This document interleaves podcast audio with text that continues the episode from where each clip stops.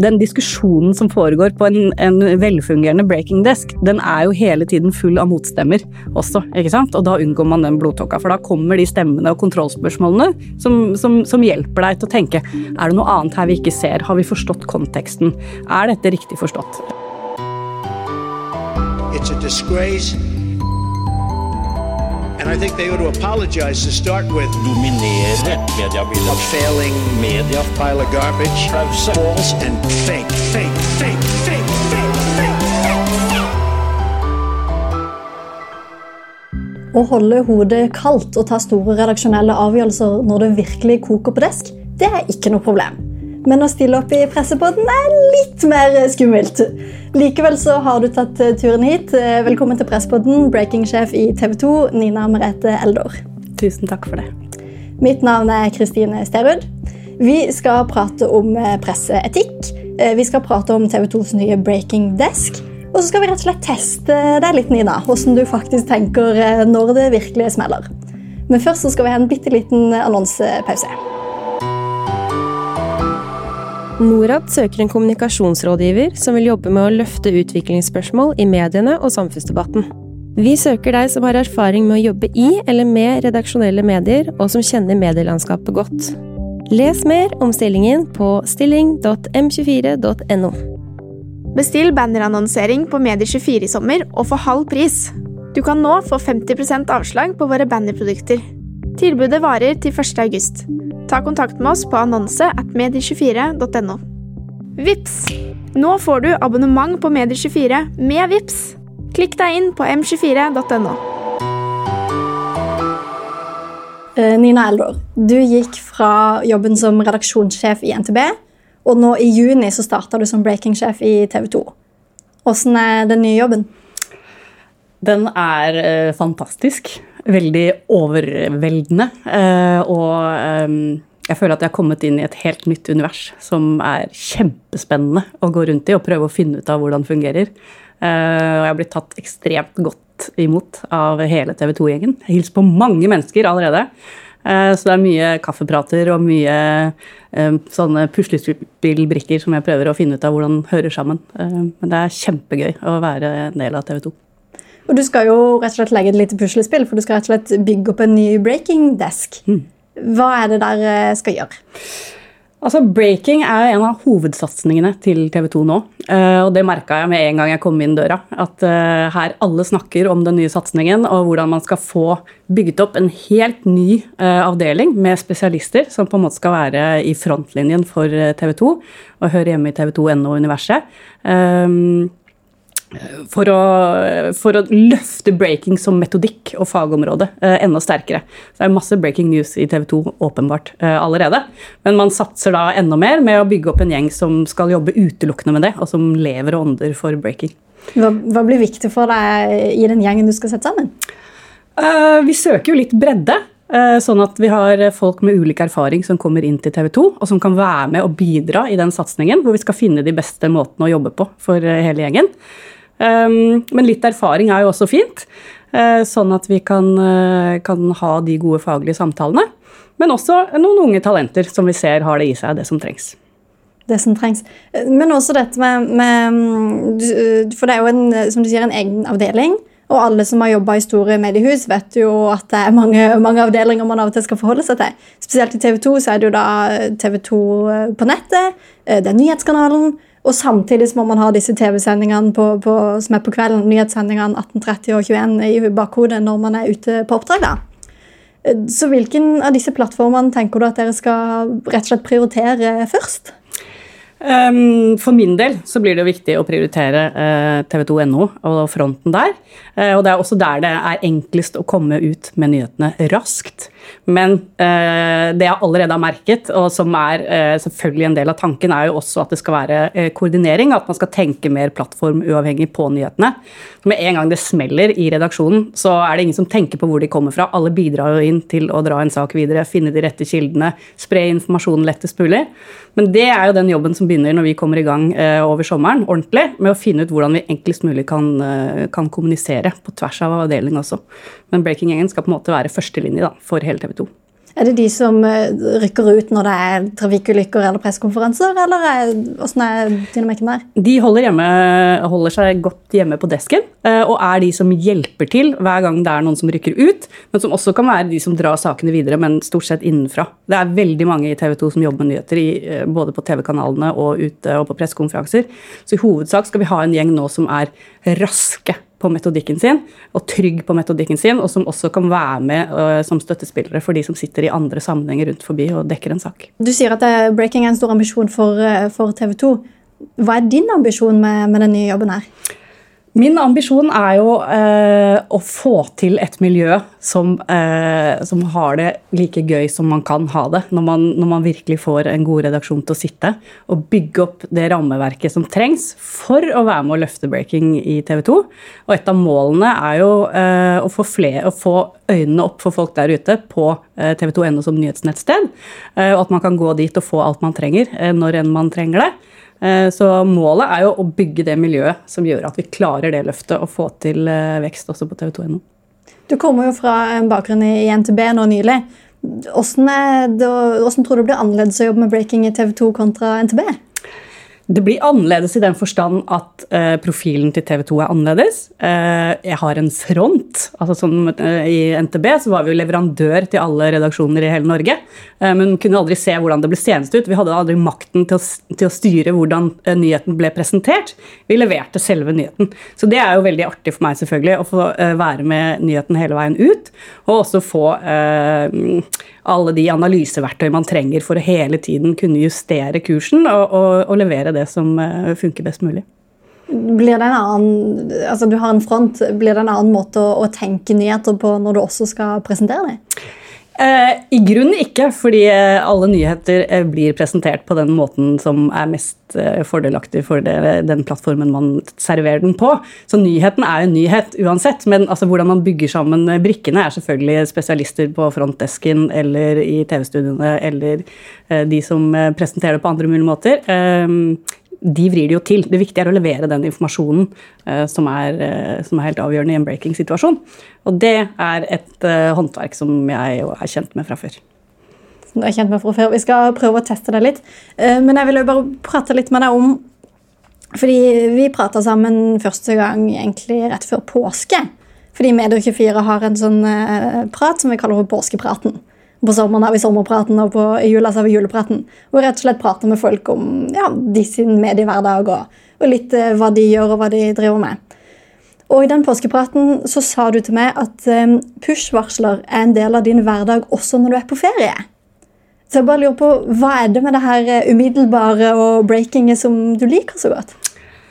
Um, Altså, Man er jo fagnerd, så man klarer ikke å legge fra seg sin store interesse selv om man er på ferie. Det gir jo fortsatt energi å følge med i nyhetsbildet. Og push-varslene det er jo én måte å, holde koll på hva som er de viktigste sakene i dag. Eh, på en enkel måte og rett i lomma. Så også på ferie så er det en veldig lavterskelmåte å holde seg oppdatert på, på nyhetsbildet. Eh, selv om du også har en trang til å gå dypere eh, når enn du har tid til det. Men breaking er jo fantastisk spennende fordi det er håndverket vårt eh, i konsentrert form. Eh, men det er også fordi at du har hele tiden følelsen av at du henger med på hva som skjer. du får med deg hva som er det viktigste i nyhetsbildet. og det er jo helt avgjørende for folk i vår bransje. Så, så, for meg så er ikke det noe som trekker energi, men det gir energi. Så derfor så er ikke jeg av de som skrur av i påsken. Men jeg skjønner jo folk som gjør det òg. alle har sine sine valg og hvordan man velger å ha fritida si. Men for meg er det mm, bare helt naturlig eh, å, å, følge med på mobilen og følge med på hva som skjer i nyhetsbildet. Og se eh, hva som er dagens hovedsaker i de forskjellige typer mediehusene osv. Hvordan er du i hodet og i kroppen eh, når du står på desk og det er liksom en stor nyhet som, som alle rundt deg jobber med? Jeg eh, blir jo, i likhet med veldig mange andre som har valgt breaking som sin spesialitet, eh, klink rolig når det er kaos i nyhetsbildet. Eh, og Det er kanskje en av de egenskapene som vi også ser etter nå når vi er ute og rekrutterer. Det er jo å finne de eh, menneskene som klarer å eh, sortere eh, når det er mye som er uoversiktlig, og som klarer å være rolig. Så når det virkelig smeller, så er det, så er det de aller fleste får tenke litt raskere, skrive litt fortere og, og, og på en måte får på en slags eh, sånn, en modus som gjør at man, eh, man, klarer å stå i det tempoet som det faktisk er. Da. Ja, Man blir jo litt gira, så det handler jo om å ikke miste kontrollen òg, men uh, ha ting på det rene. Definitivt. Men er det noen ganger, altså, er det noe som stresser deg i det hele tatt? Ja, altså Som du sa innledningsvis, så er ikke dette min liksom, favorittscene. Jeg, jeg, liker meg bedre i redaksjonen når det smeller, enn å sitte i et podkaststudio. Men ellers så, i jobbsammenheng så lar jeg meg sjelden stresse. Men det er jo fordi man har eh, man har den måten å være på, pluss at jeg har jobba redaksjonelt nå i veldig mange år. Så det er jo stort sett mye erfaring man kan trekke på da, når det smeller. Og så er man aldri alene. Det er også en sånn veldig viktig ting eh, å si. I en breaking-situasjon så er man aldri alene. Man er en hel redaksjon, man er et redaktørkorps, og man er ofte sammen om vurderinger som er vanskelig. Da. Og det er, det er spennende diskusjoner. Det liker jeg. Mens her har jeg dratt deg inn og satt på en eh, spotlight og satt en mikrofon foran deg, bokstavelig talt. Helt riktig. Vi er i hvert fall veldig glad for at du er her. Norad søker en kommunikasjonsrådgiver som vil jobbe med å løfte utviklingsspørsmål i mediene og samfunnsdebatten. Vi søker deg som har erfaring med å jobbe i eller med redaksjonelle medier, og som kjenner medielandskapet godt. Les mer om stillingen på stilling.m24.no. Bestill bannerannonsering på Medier24 i sommer og få halv pris. Du kan nå få 50% avslag på våre bannerprodukter. Tilbudet varer til 1. august. Ta kontakt med oss på annonse at medier24.no. Vips! Nå får du abonnement på Medier24 med Vips. Klikk deg inn på m24.no. Jeg har lyst til å, å teste deg litt eh, rett og slett på et scenario. for å tenke litt sånn, du, Hvilke vurderinger ville du gjort i, i dette scenarioet her? Og da må jeg understreke at Dette er et scenario jeg har funnet på. Eh, det kunne ha skjedd, eh, men jeg er litt usikker på om på en måte det geografiske stemmer i det som jeg har funnet på.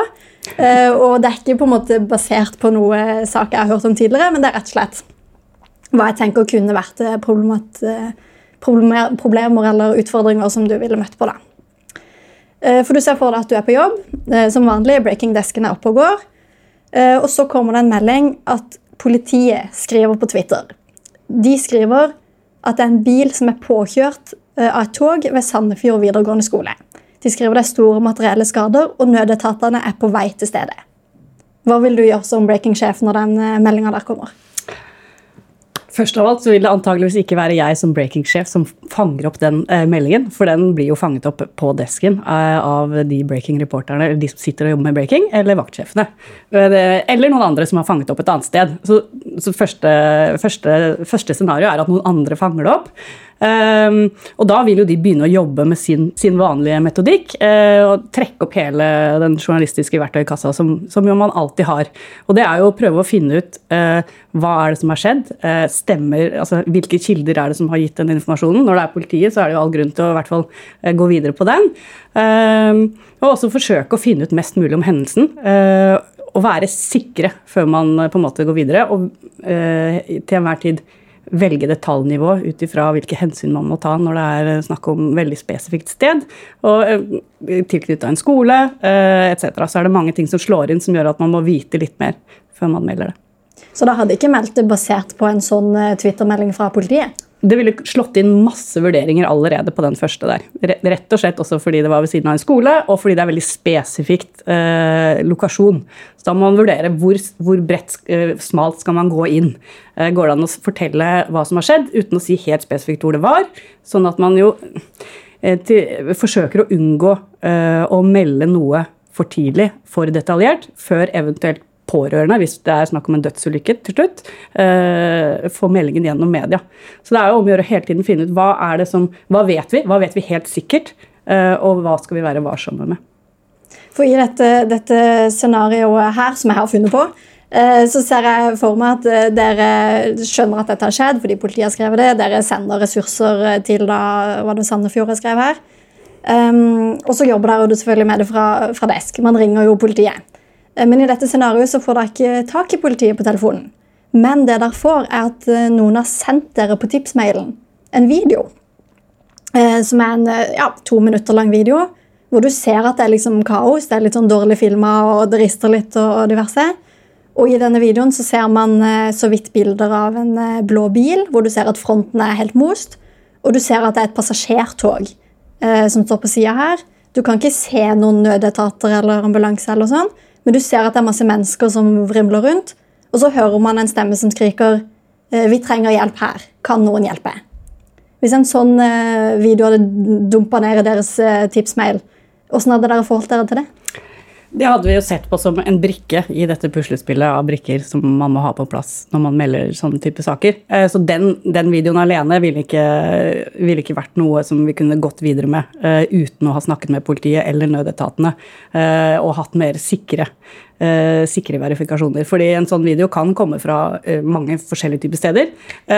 Og også i, den, i, sånne situasjoner som dette, da, hvor du vet at nødetatene vil komme til stedet på et eller annet tidspunkt, så er det, det er ganske avgjørende å få, å få, dem i tale. Men da har du jo noen på vei dit, eller som er på stedet, og som kan begynne å, å, å jobbe med å få tak i noen på stedet. Og så vil jo hjemmeredaksjonen samtidig jobbe, fortsette å jobbe og prøve å få, få noen bekreftelser på hva som har skjedd, og mer informasjon. Hvis det viser seg at denne videoen er reell, det er fra stedet, det, han er verifiserbar, vil det noensinne være ok å publisere en sånn type video, eller hvilke forholdsregler må man ta da? Eh, ikke i starten av en sak, tror jeg. Men er, eh, altså her har du videodesker som er drevne på å gjøre sånne vurderinger hele veien, så vil selvfølgelig rådføre meg med, med de. Men, men, her tenker jeg at eh, det viktige er å få informasjon på plass om hva som har skjedd, og så må på en måte det visuelle komme eh, som en vurdering etter hvert. Det er veldig vanskelig å sitte og vurdere en video som jeg som jeg ser inni hodet mitt ja, eh, om det er for sterkt eller ikke. ikke men, det, men, det, handler jo litt om eh, hva bringer videoen eh, av ekstra, ekstra verdi eh, inn i fortellingen om denne saken, og hvordan har det gått, og hva er det den egentlig viser? Altså Man må jo ta noen sånne vurderinger underveis eh, før det, før, det, er aktuelt å, å, vise noe fra det. Og Det kan hende at det er noen bruddstykker som funker, eh, og at man må redigere, og at andre ting ikke funker. Altså det Detaljnivået her er jo kjempeviktig. Men hvis tidslinja hadde vært som jeg skisserer nå, så hadde dere ikke publisert den her uten videre. Høres eh, riktig ut. Eh, I dette tiltenkte scenarioet eh, så har dere fortsatt ikke fått tak i politiet, men dere leser i lokalavisen Sandefjord Blad at de er på stedet. Og De melder at det er flere ambulanser der, og at det er minst fire personer som er sendt til sykehus. De skriver også at det pågår livreddende førstehjelp på stedet. Og så har de et bilde av området, men det er tog og ambulanser, men dette er et stykke unna. Hvordan hadde dere forholdt dere til en sånn type informa informasjon? Um, at uh, noen er sendt til sykehus og det er kommet uh, fra lokalaviskilder, da må man vurdere det uh, som, en, som, en, opplysning som går an å viderebringe, og hekte det på den kilden. Og så tror jeg at um, vi jo på et eller annet tidspunkt også vil få de bekreftelsene vi trenger. Men det antallet kan jo være vanskelig, fordi eh, det sier noe altså Hvis det var fire personer i den bilen, så sier det ganske mye eh, hvis man bruker tallet fire. Sånn at eh, antallet kan være problematisk også å oppgi sånn i en tidlig fase, før man vet hva dette dreier seg om. Men at det, man skal jo beskrive ulykken og beskrive at eh, alvorlighetsgraden av den. Eh, så, så, deler av den informasjonen kan være naturlig å viderebringe. Men man må hele tiden vurdere hva vi har fra andre kilder, eh, og med antall osv. Jeg vil nå være mest komfortabel med å ha den første bekreftelsen fra, eh, fra noen av nødetatene. Men vi fortsetter scenarioet, og at dere får, får tak i politiet til slutt. da. Om det er en innsatsleder eller om det er en operasjonsleder. Som sier at ulykkesstedet er uoversiktlig, og de sier at det er snakk om en dødsulykke. Eh, de sier òg at kollisjonen har skjedd på en planovergang, og de tror at togstrekninga blir stengt i lang tid. Hvilke sjekklister eller sjekkpunkter er det du vil gå gjennom når du hører, eh, hører dette? Ehm, man må jo da eh, forhøre seg om, om pårørende er orientert. Da går det an å gå ut med at det er en dødsulykke. Det går også an å ehm, Eh, man må jo fortelle om togstrekningen eh, og det, altså konsekvensene det får eh, i omverdenen. Hvis, hvis, en sånn ulykke også betyr at togtrafikken stopper opp, og begynner folk å lure på det. Så man må jo også gi informasjon om at det har skjedd en stor ulykke. Man må gjøre det i riktig rekkefølge. Og det er på en måte det viktigste i en sånn her type sak. Hva er rekkefølgen? Altså være sikker på at eh, pårørende er orientert, og at man ikke går for langt i detaljnivå på ulykken, sånn at pårørende får beskjed om dødsbudskapet gjennom media. Det er det vi prøver å unngå. Men hvis det er, hvis det er altså, øh, øh, voldsomt mye konsekvenser som skjer midt i det offentlige rom, så er det vanskelig å ikke melde det allikevel. Så det er om å gjøre å bare være varsom på detaljnivå, ikke skape en, en tyngre belastning enn det, enn det man er, ønsker å gjøre. Da, holdt jeg på å si. I dette scenarioet eh, så jobber dere med saken, og, sånn som vi har pratet om nå.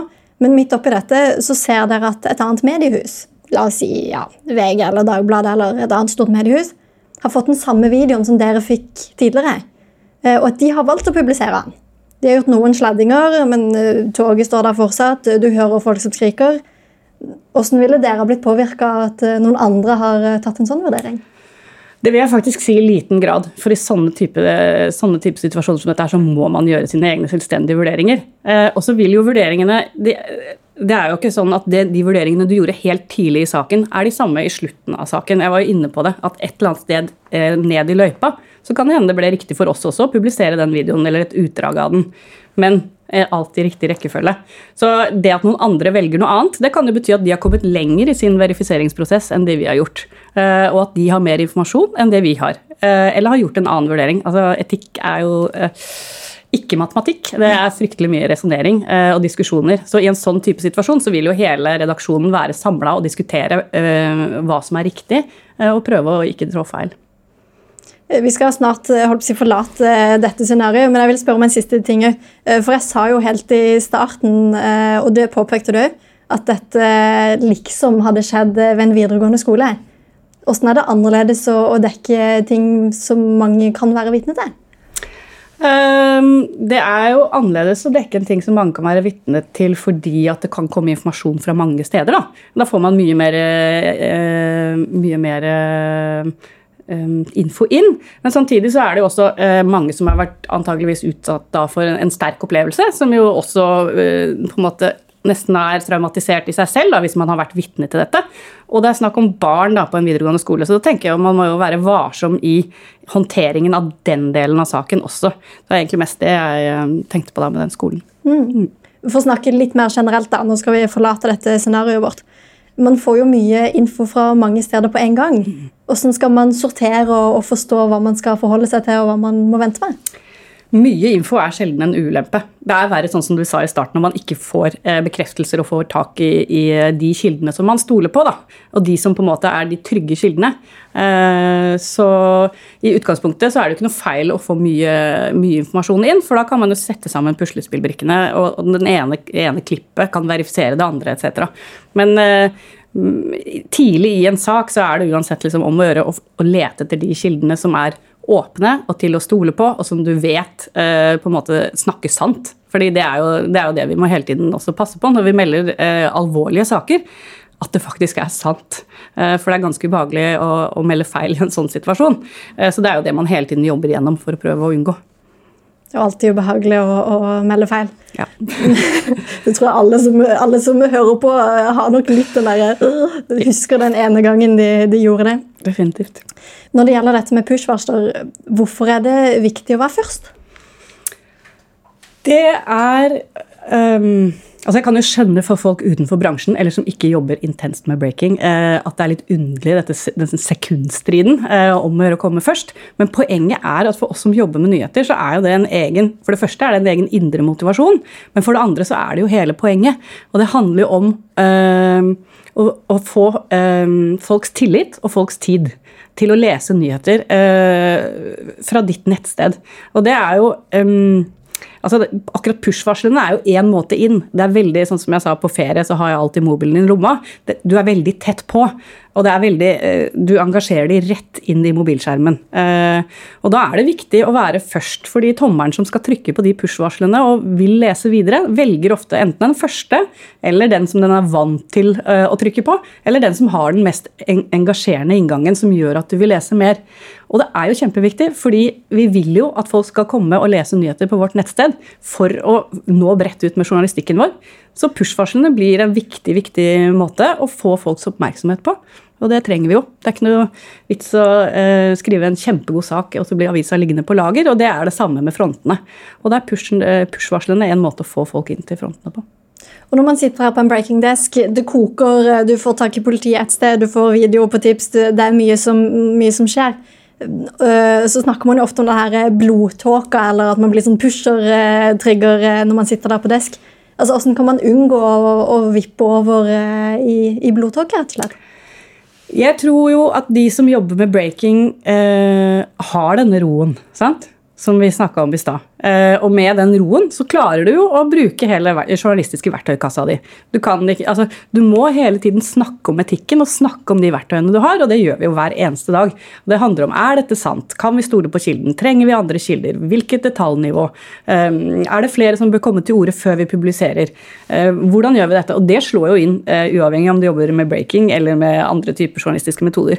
Så den, den ligger jo der. Så, og de den diskusjonen som foregår på en, en, velfungerende breaking desk, den er jo hele tiden full av motstemmer også. ikke sant? Og da unngår man den blodtåka. For da kommer de stemmene og kontrollspørsmålene som, som, som, hjelper deg til å tenke er det noe annet her vi ikke ser. Har vi forstått konteksten? Er dette riktig forstått? Uh, og det er jo de samtalene som gjør det veldig gøy å jobbe med det, vårt fagfelt. Det er stadig endring. Vi skal begynne å runde av, men jeg har et par eh, ting jeg bare vil spørre deg om uh, også. For dette med, med å jobbe på desk. Vi hadde et, eh, det var, ja, nå er det vel i høst, så var det en eh, psykologspesialist som alltid skriver for oss i Medier24, som tok for seg det her med uh, Han sier at journalister er de som må ta byrden med å filtrere verden for oss andre. Mm. Og man får jo mye oppfølging når man er ute i felt og er tett på ulykker eller er tett på det som skjer. Men hvordan vil du jobbe for å ivareta de som sitter på desken midt oppi og, og får ja, usensurerte bilder i trynet og skal sensurere dem før de publiseres? Det er kjempeviktig. Eh, det er superviktig. Og det er eh, Jeg merker at det ehm, akkurat det med debrief av folk som også sitter eh, på desk, er en veldig mye mer naturlig ting i bransjen nå enn det det var bare for noen år siden. Så det er en del av de faste rutinene man har. Jobber man med noe sterkt, eller om det er en rettssak, eller om det er kriger, eller om det er ufiltrerte ulykker, så må man alltid ta den samtalen i etterkant av vakta. Og, og, og prøve å finne ut om det er noe behov for, for oppfølging. Så det er, det er samtaler som er veldig uh, ofte på nivået til redaksjonelle ledere, og hele tiden også uh, i det daglige, hvor vi prøver å, prøver å, å virkelig ha fokus på det. Så det, det er, de, det er de, altså som leder en av de viktige tingene. I tillegg til å være på en måte det etiske sikkerhetsnettet bak en desk, så er det jo faktisk den oppfølgingen av folka. For ja, det er mye ufiltrert og mye sterkt som uh, man både kan uh, løse ved å snakke gjennom det uh, på jobb, men noen ganger er det også sånn at man jo faktisk bør ha en annen type oppfølging. Og det er kjempeviktig, så ikke ting hoper seg opp. Eh, helt til slutt så vil jeg stille deg et litt sånn framoverlent spørsmål. Jeg vet ikke om man kan kalle det framoverlent, men å se litt framover, da. For hvordan vil breaking-desken i TV 2 se ut om tre år? Um, ja, hvordan vil den se ut? Den er kjempestor! Nyhetsledende. Alle leser tv2.no. Ja, helt riktig. helt riktig. Alle har lasta ned TV2-appen uh, eh, og har den i mobilen sin på ferie. Uh, nei, desken er stor og levende og godt integrert med resten av TV2-redaksjonen. Og det er et nav i TV 2. Og et sted hvor vi får samlet alt som handler om breaking, og samla den kompetansen. Så størrelsen er egentlig underordna. Det, det, viktige er at eh, den er blitt sterk i faget sitt. Og at vi kan være en god sånn frontlinje for eh, resten av TV 2 også. Det høres ut som en god ambisjon. Da ønsker vi deg lykke til med den jobben. Takk for at du kom her i Pressepodden, breaking-sjef i TV 2, Nina Eldor. Takk for det. Og mitt navn er Kristine Sterud. Jeg kan jo nevne at Resten av denne Medier24-redaksjonen eh, består i sommer av Endre Simonsen, Toril Henriksen, Kent Olsen og Isak Brøndseth. Konstituert sjefredaktør er Jan Magnus Weiberg Aurdal. Og teknisk ansvarlig er Sebastian Manrikes.